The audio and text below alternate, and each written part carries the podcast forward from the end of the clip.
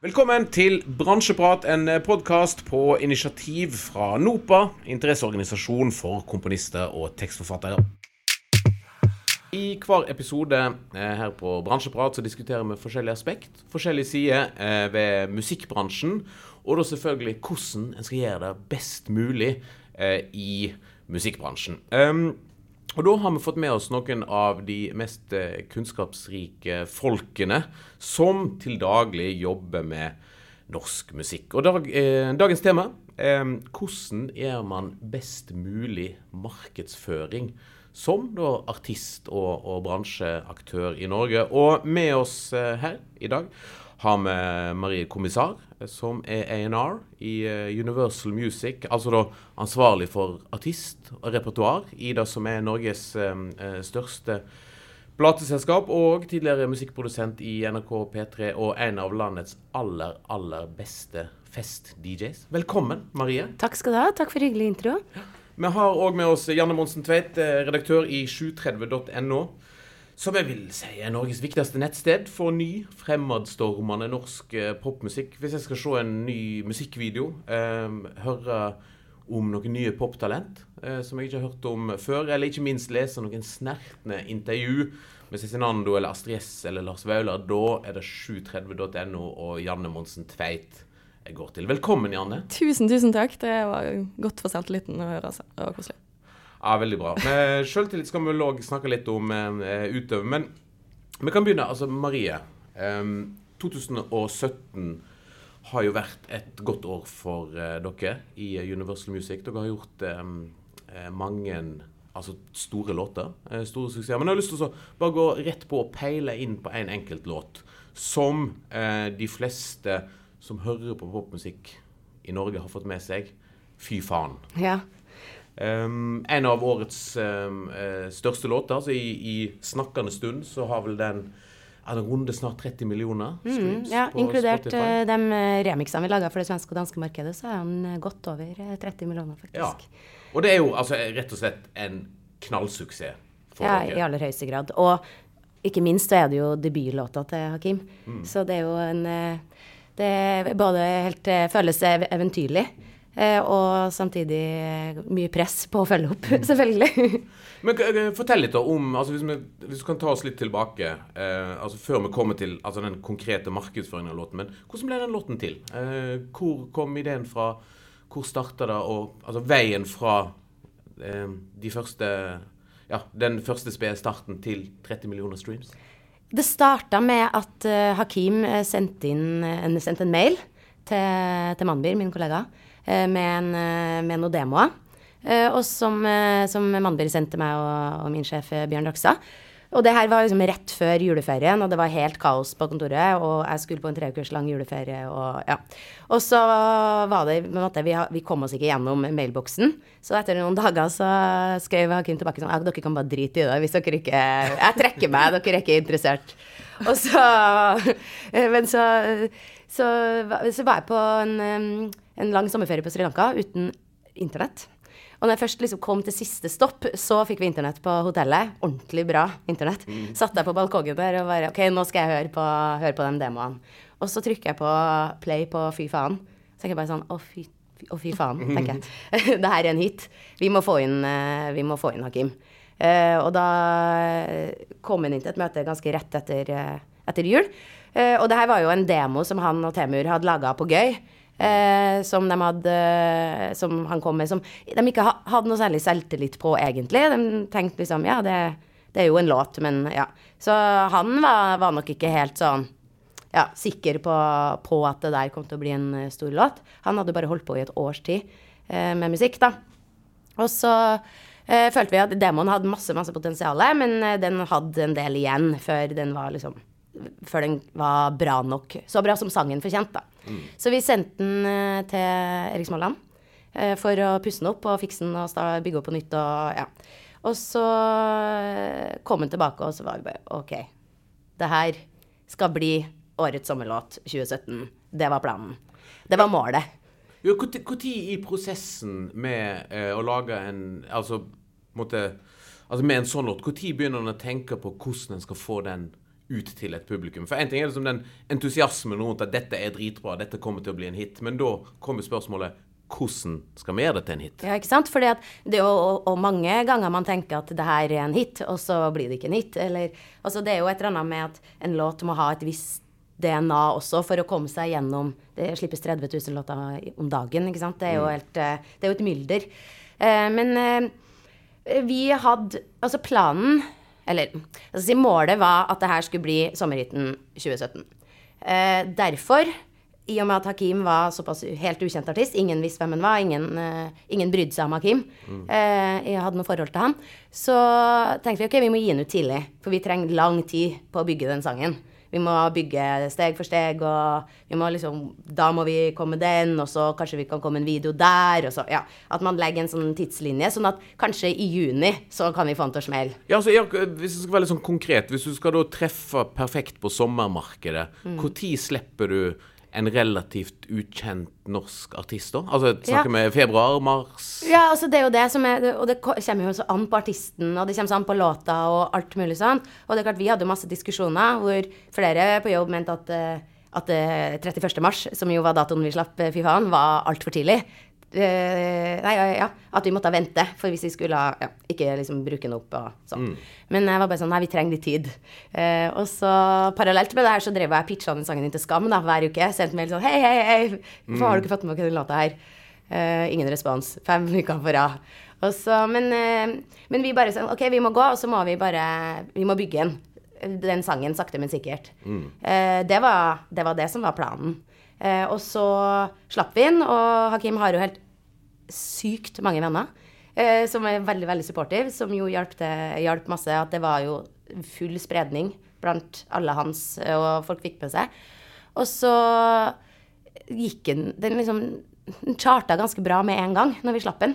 Det var på en måte, Den hadde en slags sånn kurven til en hit. da, At man kan se Eh, fordi at eh, når man slipper en låt på en fredag, så får den, får den på en måte New Music Friday, og den får spilleliste og alt mulig sånt. Ja, for nå snakker du om Spotify. Nå snakker jeg om Spotify. Ja. Eh, så, så, ser man på en måte at uh, alle låter starter høyt. Mm. Uh, men den, og vi fikk jo ukas låt på P3, og vi fikk liksom bra support på den fra the get go, da. Men uh, så, når man ser da at den ikke ramler noe særlig et, etter dag én, men den går på en måte oppover. Mm. Det er veldig sånn sjelden veldig sånn kurve for noe som er spesielt. da, At det ikke har noe ramling. Eh, og det så vi skjedde med den, så den krøyp seg liksom oppover inn i topp 50 på Spotify og fikk liksom flere radioads og sånn ganske kjapt. da. Eh, så den eh, vi, liksom, den fikk den inn litt ja, Og også litt overraskende for oss at det gikk så fort. da, At vi fikk den inn eh, Jeg vet ikke hvor den var på 27. eller noe sånt på Spotify når eh, Så den var jo nesten inn på VG-lista mm. når eh, Skam skjedde. Som jo tok den til the next level, selvfølgelig. Og mm. inn i Sverige, hvor den var, var i hvert fall topp 20 der. Ja, Janne, dere som da sitter litt på, på andre sida av bordet fra, fra Marie. Mm. Så, så en låt som Fy faen. Når er det dere eh, altså som nettsted, som journalister, blir oppmerksom på en sånn låt?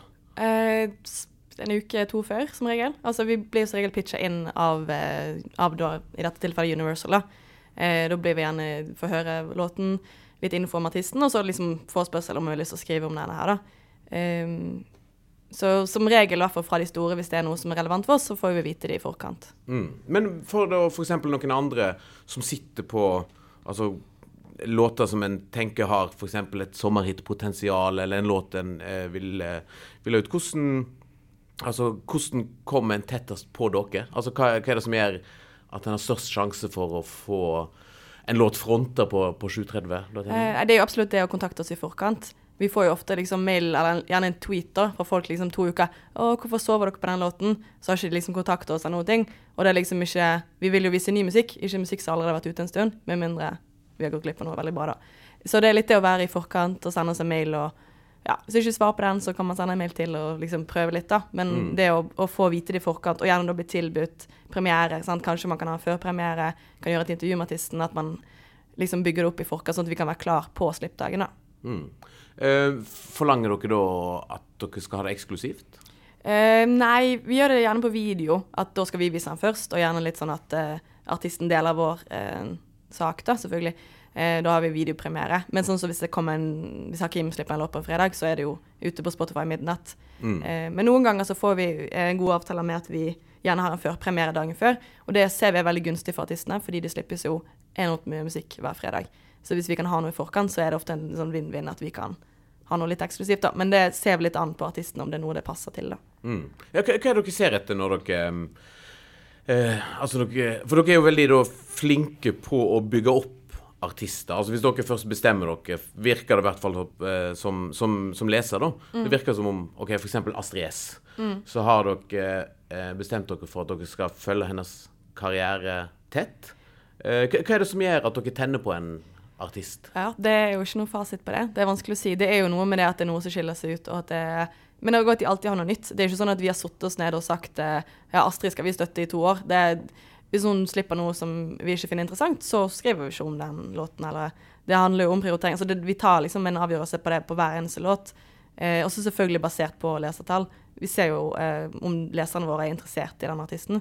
Og så er det mm. selvfølgelig personlig smak. Noen ganger skriver vi om artister som få bry seg om, men som vi bare liker så godt at vi føler at eh, hvis vi kan hjelpe dem litt, så syns vi det er koselig. Mm. Um, litt sånn tilbake til, til Fy faen, uh, Marie.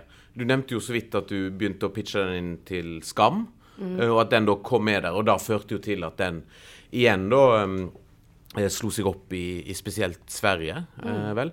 Um, altså, en, en, serie som altså Nå kan vi snakke spesifikt om Skam, men òg sånn generelt å få plassert låter på TV eller reklame. Sånn, altså, hvor viktig er det for, for dere som, som, jobber med låter? Altså, Skam var nok veldig unikt. Eh, også fordi at den, den slo så godt utafor Norge, og fordi musikken spilte en egen rolle.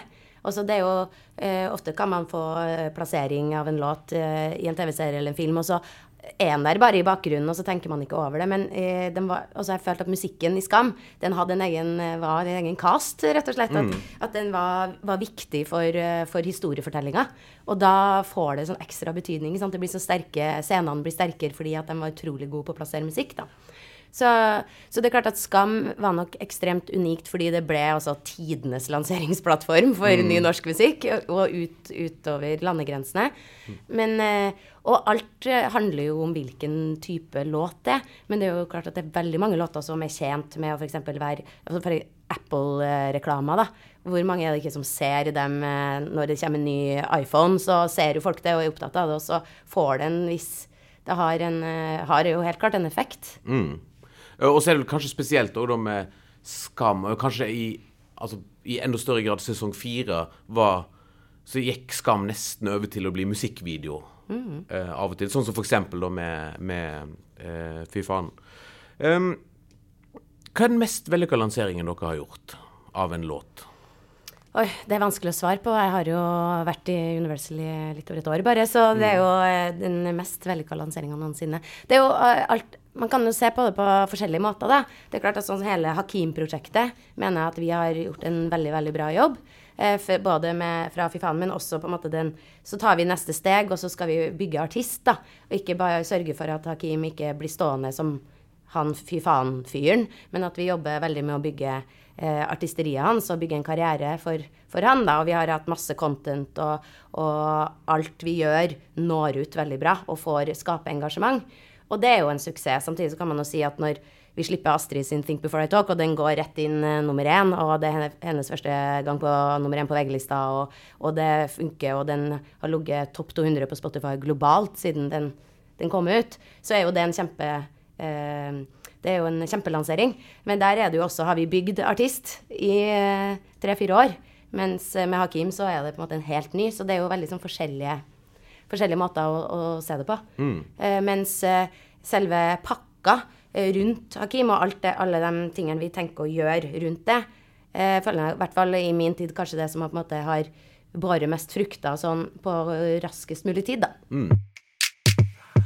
Men for dere da, eh, Janne, i, i 730 eh, noen dekker artister som jo tross alt holder på med musikk, men altså, i hvor stor grad ser dere på å bruke deres sosiale medier når dere skal vurdere appellen til artisten, eller hva dere skal skrive om artisten? Ja, nei, Vi bruker jo mye det de legger ut til sosiale medier, de som er gode på det, da, sånn som f.eks. Astrid. Um, nå er jo Instagram liksom desidert størst på akkurat det feltet, men òg hvis noen som har brukt, er aktive på Twitter, så er jo det noe vi gjerne legger ved i saker. og det gjør jo òg at vi legger mer merke til en artist, de som er gode på det. De som ikke bare legger ut et innlegg når de har en ny låt, men de som er flinke til å kommunisere med fansen der, da. Ja, Det som byr på seg Ja, sjøl? ja, absolutt. Og det kan jo gjøre av og til at vi Jeg vet jo det at det kan gjøre at en sak leser veldig Altså at mange flere klikker på en sak fordi vi har brukt et uh, bilde som er mye artigere enn det pressebildet vi kanskje får tilsendt. da. Mm. Eh, og dette er jo bilder som artisten sjøl har lagt ut, og da føler jeg da vet du at da har artisten likt det bildet, da. Mm. Um, for dere, Marie, med, med sosiale medier, når dere da får en ny, ung, eh, forhåpentligvis fremadstormende artist eh, i stallen Altså, I hva grad legger dere liksom en plan for sosiale medier, og i hva grad kommer det fra artisten sjøl? Hvor organisk er det? Vi legger helt klart en plan for sosiale medier, i samråd med artist og management, selvfølgelig. Men eh, jo, vi legger ikke en plan for hvordan skal du være på internett. Det gjør vi ikke. Vi sier, går ikke til Astrid og sier du må legge ut sånne og sånne bilder av deg selv, eller, eller til Hakim overhodet. Og sånn som eh, Astrid sin Instagram, den, eh, altså, den er det ingen av oss som har tilgang til. Den styrer hun helt selv og kjører sitt eget løp. På en måte. Hun er jo veldig, veldig flink, og veldig mange av de unge artistene er veldig flinke på Instagram. og har jo det er en del av eh, hverdagen og, og sånn. Og så er det noen som syns at det er sinnssykt vanskelig å drive og poste interessante bilder og bilder av seg selv og, og liksom være til stede der, da. Og, og det er jo klart at det er veldig mye lettere å, å få ut ny musikk hvis du har en stor base på, på sosiale medier. Det er jo, på en måte, det sier jo seg nesten selv i 2017 at folk lever på mobilen sin. Så jo flere du når ut til der, jo lettere er det å nå ut med musikken. Men det er klart at vi er veldig opptatt av å bygge artistenes egne plattformer. Sånn at når vi gjør eh, digital markedsføring og på Facebook og sånn, så gjør vi det alltid gjennom eh, artistene sine plattformer med deres egne ord. Og eh, sende ut contentet der, da. Og legge skyvet den veien istedenfor å måtte ta det gjennom Universal sine kanaler. Så vi er opptatt av at de skal få bygge sine egne kanaler på, på en måte som er naturlig for dem. Da, sånn at det på en måte snakker artistens språk. Mm. Ja, se, ser du da, Janne, som, som journalist, ser du med en gang om det er artisten som snakker, eller om det er plateselskapet som snakker? Eh, ja, som regel gjør man jo det. Eller om- man ser jo de som er gode på det sjøl, sånn som du sa med Astrid. da. Det er jo veldig tydelig at uh, Altså Det viser liksom at hun har en hel pakke som artist, da, og at hun er eh, Altså hun får frem de sidene av seg som man kanskje ikke hører i musikken, eller man får frem en ekstra Ser at hun er en liksom kul og artig jente som kan legge ut liksom stygge bilder av seg sjøl, blanda med sykt fine bilder av seg sjøl. Altså sånne ting som det, da. Eh, at du virkelig viser personligheten, da. Og det pleier å være ganske tydelig om, eh, om artistene poster det sjøl eller ikke, da. Er det noen fallgruver eh, som er litt sånn åpenbare eh, for artister som, som Altså i, i markedsføringen, f.eks. med sosiale medier eller andre ting? Ja, det er et godt spørsmål. Det, det, er jo, altså, det er jo alltid sånn grenser for hvor altså, privat man øh, kan være eller bør være og sånn. Og liksom, det er jo helt klart en forskjell på det å være personlig og være privat. Og det å vise personlighet er jo alltid topp. Men eh, kanskje eh, som hard oversharing kan slå tilbake på deg. ikke sant? Hvis du deler altfor mye, og så blir det en 730-sak da, om ting som du egentlig angrer på, eller du tvitra i fylla, eller altså, sånne ting. da. Men eh, jeg har ikke noen eksempler på det, for jeg har ikke liksom Jeg har ikke møtt uh, i min tid noen som på en måte virkelig har Ja. Men jeg tror kanskje oversharing og det Don't tweet before you think, liksom. Ja, altså Think before you talk. ja. Think before you tweet. Ja. Ja. Altså, det er vel en grei tommelfingerregel med at um, promille og tvitring Ja. ikke hører uh, sammen. Um, er det noen tydelige tendenser som vi kan se, uh, som er i ferd med å vokse fram når det gjelder markedsføring? Altså ting som er åpenbart annerledes for en artist nå enn for ja, et år, to, tre siden? Eh, kanskje hvis du tenker enda lenger tilbake i tid, hvis du tenker eh, liksom, sosiale medier før og etter, da, så er det jo veldig tydelig nå at artister må ha mer personlighet, på en måte. da. Du ser, eh, i hvert fall sånn som i USA, så er det jo på en måte føler nesten alle kvinnelige artister, hvis ikke de sier at de er feminist eller har et sosialt budskap, da eh, Taylor Swift ble jo angrepet hvis ikke hun støtta Black Lives Matter og sånne ting som det. Eh, det er nok ikke så kommet helt der i Norge, men det har blitt veldig sånn, da. Mens for 10-20 år siden så var det liksom ikke så viktig om Britney hadde de holdningene eller ikke, da. Mm. Ja, for noe jeg tenker på. Jeg vet ikke om dere har noe Altså, te, det, tenker du at, altså, at publikum stiller krav til at artistene ja, skal mene noe? Ja, det har blitt litt sånn egentlig, og at det er blitt uh, litt sånn trend det å bry seg, og det er jo en kjempefin ting. Uh, men det er litt synd kanskje for de som ikke er så opptatt av de tingene, da, at det har blitt nesten litt sånn et krav, da. Um, jeg har ikke sett det så mye i Norge, men det viser òg at de som f.eks. Amanda Delara, som har vært veldig flink til å dele viktige, gode både politiske og sosiale budskaper, da, det gjør jo at hun får flere følgere og fans, da, rett og slett basert på det. Mm. Ja, jeg tror at det er en del av den, hele den kulturen med at man skal vise fram livet sitt, da, sånn på sosiale medier. Og det at eh, man er vant til å få se alle, eller det man tror i hvert fall er hele livet til en artist da, eller en offentlig person. Og så eh, når man da liksom ikke ser et politisk engasjement eller et på en måte sosialt engasjement, eller man bare ser eh, eh, pene bilder hvor man prommer seg sjøl, så, så blir det på en måte stoppe det, da, fordi at eh, alle andre driver og deler så, så store deler av livet sitt. Så det er jo en sånn vanskelig det er en utfordring, tror jeg, med den her at den sånn delekulturen som gjør at eh, man må hele tida ja, by mer på seg selv, på et vis, for å, for å, for å være til stede på ekte på sosiale plattformer. Og så er det noen få som klarer å slippe unna med det, da. Eh, som ikke gjør så mye intervjuer, f.eks. Eller sånn som Norges kanskje den største popstjernen, Kygo. Han er jo, altså Hele Instagramen hans er jo bare glossy, fine bilder tatt av profesjonelle. Men det er jo kanskje det, det er jo det imaget hans. Det er jo liksom den drømmer seg vekk til liksom Ja. Men jeg tror liksom Altså, livet er jo ikke bare Ibiza, så det er liksom ikke alle artister som kan gå den veien, da. Ja, for Kygo er egentlig, altså når du ser det, et ganske interessant tilfelle. For jeg føler jo ikke at jeg kjenner Kygo, Nei, men overhodet den jeg føler jeg kjenner, det er Ikke om dere følger nei, Instagram-kontoen til manager Miles Mom. Ja, Altså mammaen til manageren til Kygo, hun deler mer privat om Kygo enn hva Kygo Ja. eh, gjør sjøl. Men, Det sier jo litt. men, men hva er det Altså, er Kygo et unntakstilfelle der, eller er det mulig for liksom, artister flest å skape seg en karriere uten å være veldig til stede og personlig på, på Instagram, sosiale medier? Så har du en hit som er stor nok, så kan du komme unna med hva som helst. Altså, jo større hiten, jo mindre trenger du å dele, tror jeg. Eh, men det er jo klart det er forskjell på det å bygge en karriere fra, fra starten og fra bunnen og, og jobbe seg oppover, og uten den store verdenshiten. Og så er det noen ting å komme på en måte inn mm, seilende på en hit, så, og en hit til, og en hit til, så det, blir du på en måte interessant i kraft av av musikken i større grad, da. Sånn at det er jo Uh, Og det er jo, vil jeg tro, alle artister ønsker, å være, kun, være mest interessant i kraft av musikken. Og det er det jo mange som, som, eh, som i aller høyeste grad er. Men det er å kommunisere den musikken Få kommunisert den ut eh, bredest mulig, da. At flest mulig får, får den med seg.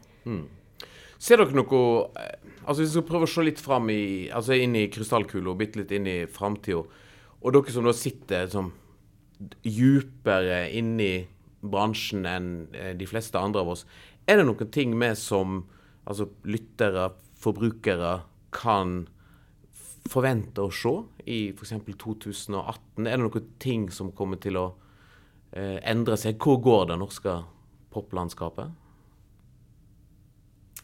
Det er et godt spørsmål. Mm. Nå vil jeg jo at du skal levere bedriftshemmeligheter. det sant? Nei, det, det, er et, eh, det er et godt spørsmål.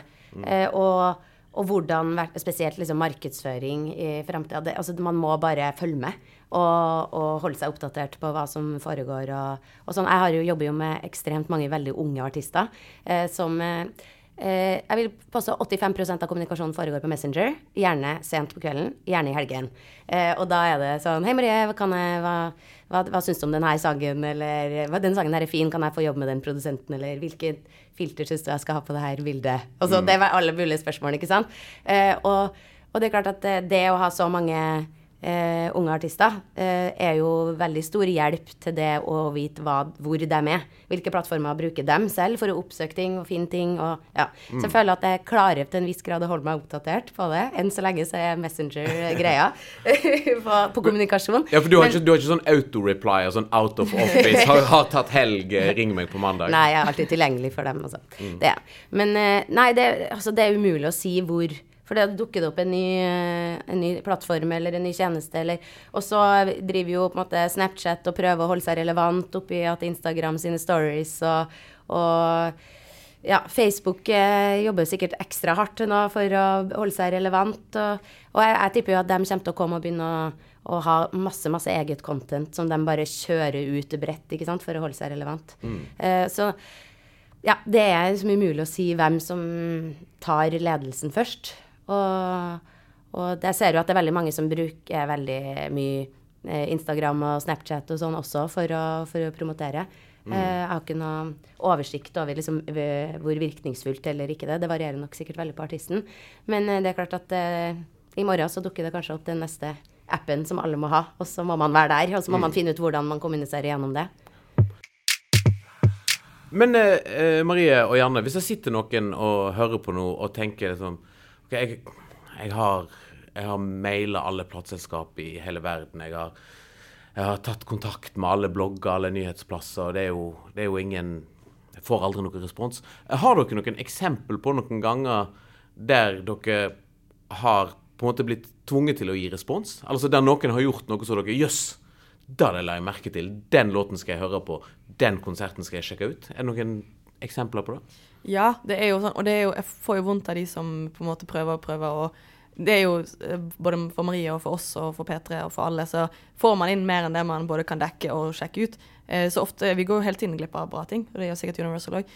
Eh, så for eksempel, jeg husker i vinter så skulle Wonder the Boy, en 16 år gammel rapper fra Trondheim, han skulle ha konsert på Byleiren. Han var sånn navn som jeg hadde hørt mange ganger, men liksom ikke helt fått tid til å sjekke ut. Og han sendte ut sånne personlige invitasjoner til sikkert flere hundre folk, der han har liksom tegnet et slags nesten valentinskort. da, Veldig sånn barnslig og fint, med invitasjon liksom til Janne. 'Håper du vil komme på konserten min'. Eh, og det gjorde jo at da sjekket jeg jo ut musikken hans og fant ut at han var helt fantastisk flink og kreativ og veldig kul fyr. Og liksom gikk på konserten hans og har skrevet sak om han i ettertid.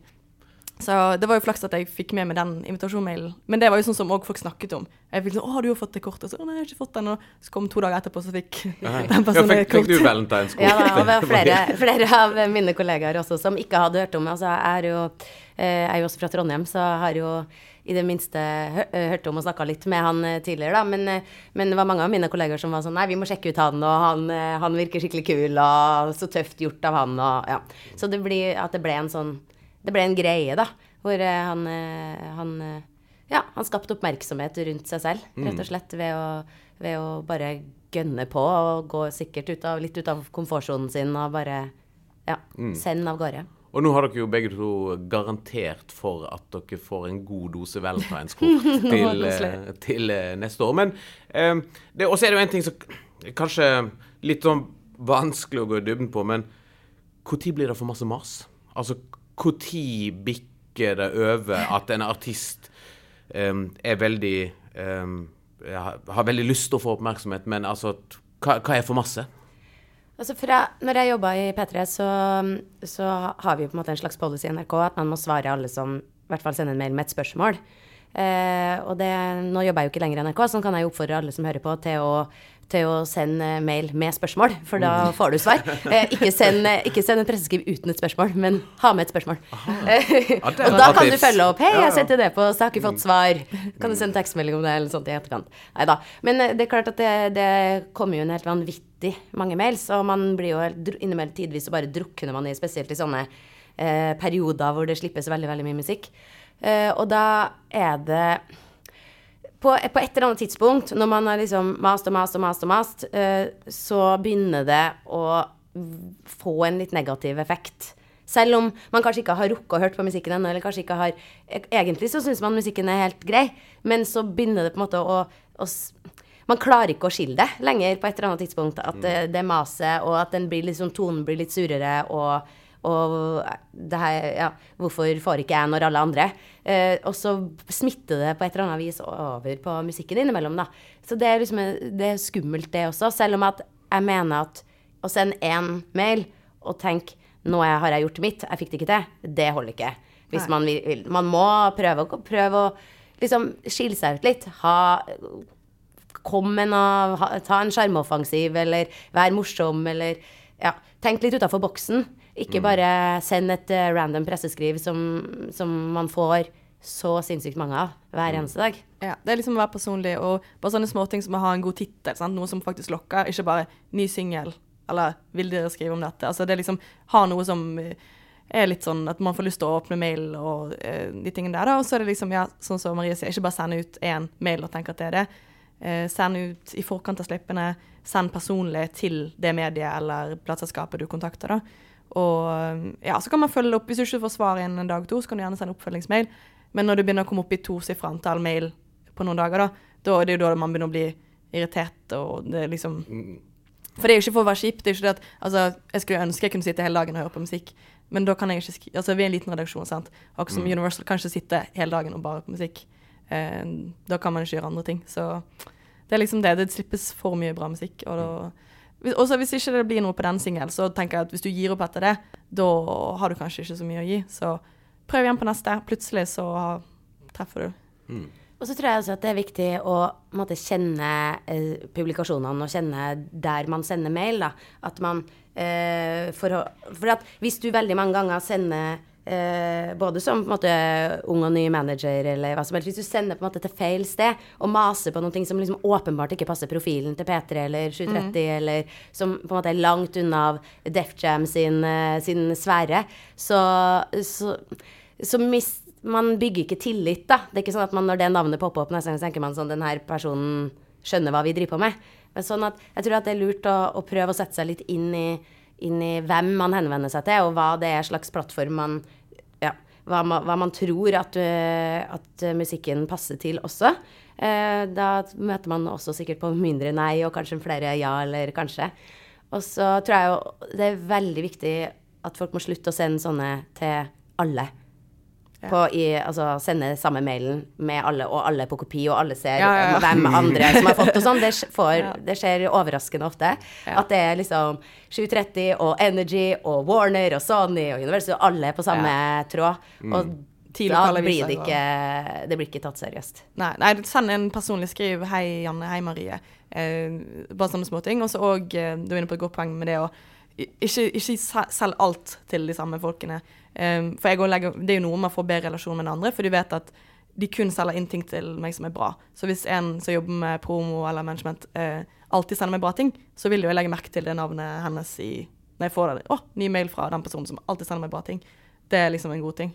Så liksom at man ja, ikke prøver å selge inn noe du egentlig ikke har tro på, til et medium, da, fordi da er det bedre å heller spare det som er relevant. da.